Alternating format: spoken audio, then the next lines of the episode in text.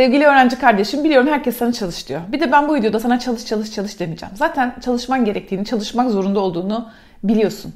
Peki neden çalışman gerektiğini biliyor musun? Yani herkes çalış diyor değil mi? Eve geliyorsun Annen diyor ki işte ödevin var mı, ödevini yaptın mı, ders çalıştın mı, bugün kaç soru çözdün? Okuldan takip ediyorlar. İşte testler bitti mi, verdiğimiz soruları çözdünüz mü?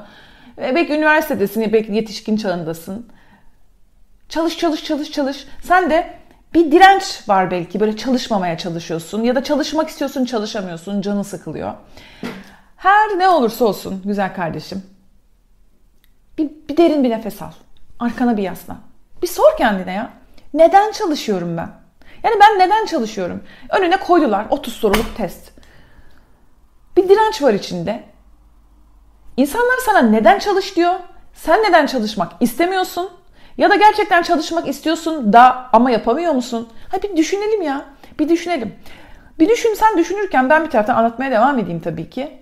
Öyle ya da böyle. Şu an öğrencisin. Belki bu videoyu kendin açtın başarılı olmak istiyorum YouTube'a yazdın. Bu video öyle karşına çıktı. Belki anne zorla şu an oturttu seni izlettiriyor bu videoyu.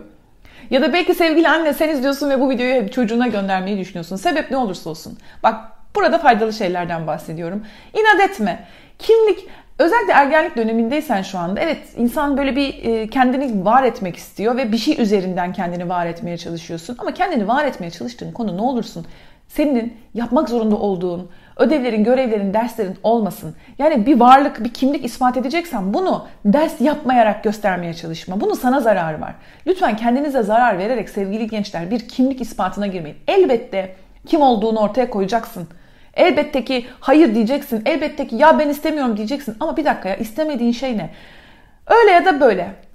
Belki e, büyük düşlerin var ve şu anda aklından geçenler, düşlerin bu kalıba sığmıyorsun. Sana dayatılan kalıplara sığmıyorsun. Sadece öğrencilik hayatında olmuyor arkadaşlar bunlar. Mesela mezun olacaksınız ve belki bir süre istemediğiniz işlerde çalışmak zorunda kalacaksınız. Evet kişisel gelişimle ben de ilgileniyorum. Ben de ilgilendim. İki tane kişisel gelişim kitabı bile yazdım. Yani ama bir de hayatın gerçekleri var. Bazen o düşlere giden yolda evet gitmek istediğin yer burası ama önünde bu basamağa çıkman gerekiyor. Ve bazen istemediğin, sevmediğin işleri de yapmak zorunda oluyorsun. Ben de yaptım. Herkes de yapmıştır. Yani böyle bir şey yok. Kimse hemen ben hayal kuracağım ve şu anda da sevsen de sevmesen de, istesen de istemesen de önünde çözmen gereken 40 tane matematik sorusu varsa ve bu bugün bitecekse, yarın da hoca bunu istiyorsa bunu yapacaksın. Bunu sen yapacaksın, bunu senin yerine hiç kimse yapmayacak. Bunu yapmamakta direnirsen, buradan kimlik ispat etmeye çalışırsan ya da tembellikten ya da benlikten ya da egodan ne sebeple olursa olsun Buna direnme, buna direnmek zaten zor olan hayatını biraz daha zorlaştıracak çünkü. Hayat zaten bir sürü problemden oluşuyor. Bir de üzerine okulu, dersi, sıkıntısı ekleme. Bugün bunu yap. Bazen geçici işlerde çalışan arkadaşlar, ya ben burada zaten geçici olarak çalışıyorum. Ya burada işte halı yıkamacı da çalışıyorum da yani. Halı yıkamacı da mı çalışıyorsun? Araba yıkamacı da mı çalışıyorsun? Garsonluk mu yapıyorsun? Geçici deme. Hayatının işini bulmuşsun gibi yap. Hayatının aşkıyla flört ediyormuşsun gibi yap. Yap o işi. O işi yap. İyi yap. Çünkü sen yaptığın işin hakkını verirsen hakkın olan yer sana gelecek. Ama sen şu anda ya burası benim hakkım olan yer değil. Bu bölüm de zaten hak. Ben burası bu, bu okula da ben zaten işte geldim işte bu lise sınavında şundan dolayı geldim. Tamam ama buradasın ve sen buradayken senin yaptığın performanstan etkilenen insanlar var. Onları mağdur etme, onları üzme. Çevrendeki insanlara acı çektirerek mutlu olamazsın. Şu an yapılması gereken ya bazı şeyleri çok da tartışmaya gerek yok. Arkadaşım yapılacaksa yapılacak. Yap, kurtul, bitsin. En iyi şekilde yap. Konsantre ol. Ha bilmiyor musun? Dikkatin mi dağılıyor? Gel dinle şu videoları. Gel dinle. Var çaresi. Anlatıyorum ben burada. Hadi bir yerden başlayalım. Nereden başlayalım? Zihinsel haritamızı büyüterek başlayalım.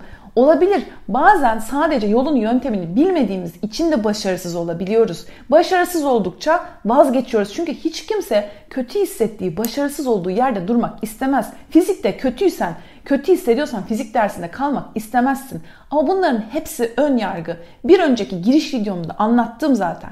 Çok net. Ön yargılı olmayın.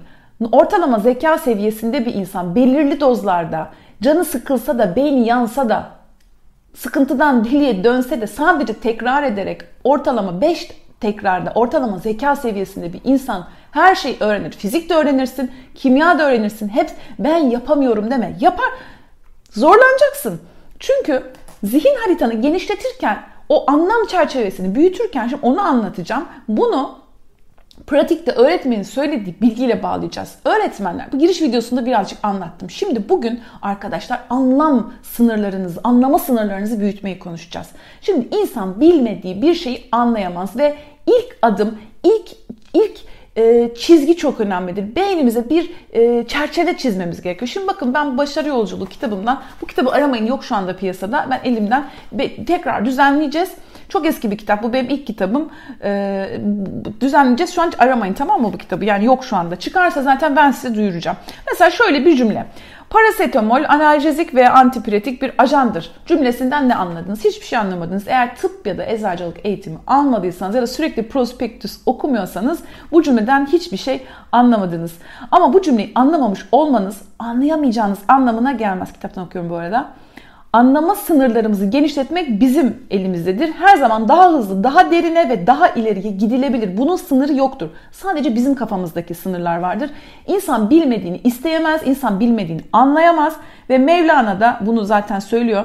Ee, ne kadar anlatırsanız anlatın, anlattıklarınız karşınızdakinin anlayacağı kadardır. Peki benim anlama sınırım bu kadar mı? Yani benim bu cümleyi ya da başka bir cümleyi anlama sınırım yok mu?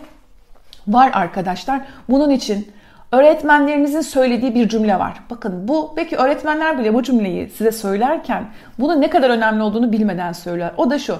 Çocuklar derse hazırlıklı gelin. İster derse gidiyor olun, ister kursa gidiyor olun. İsterseniz sinemaya gidiyor olun arkadaşlar. Hazırlıklı gidin. Bir film mi seyredeceksiniz?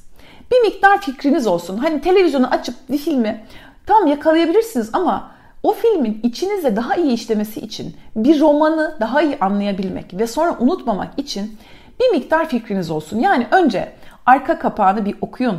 Belki hani böyle kitabın yazarı hakkında biraz bilgi edinebilirsiniz. Film seyrederken de yani önce o filmin ne anlatıyor? Filme gidiyorum ama konusu ne? Bu film hangi yılda geçiyor? Yönetmeni kim? Daha önce hangi filmleri yapmış? Böyle giderseniz o filmi daha iyi anlarsınız. Filme zaten konsantre olursunuz ama filme de konsantre olur. Mesela ben filme de çok zor, zor konsantre olurum.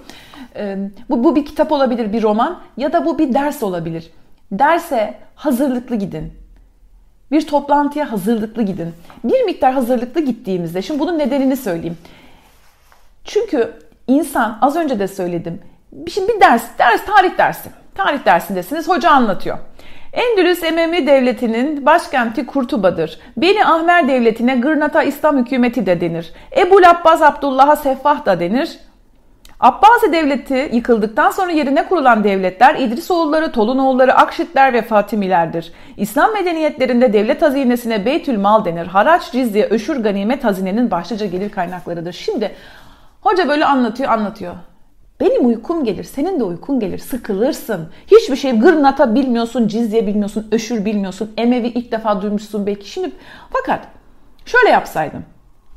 Hoca zaten söylüyor. Bir sonraki ders Emevi Devleti'nin e, işte kuruluşunu anlatacağım. Bunu böyle söylüyorsa sen de o tarih dersine bir miktar bak bir kere oku. Bir kere okuyup gittiğinde hocadan bunu ikinci kere duyacağın için senin zihnin aşina olacağı için o kadar da kolay sıkılmaz. Yine sıkılır. Yine sıkılır ama daha zor sıkılır.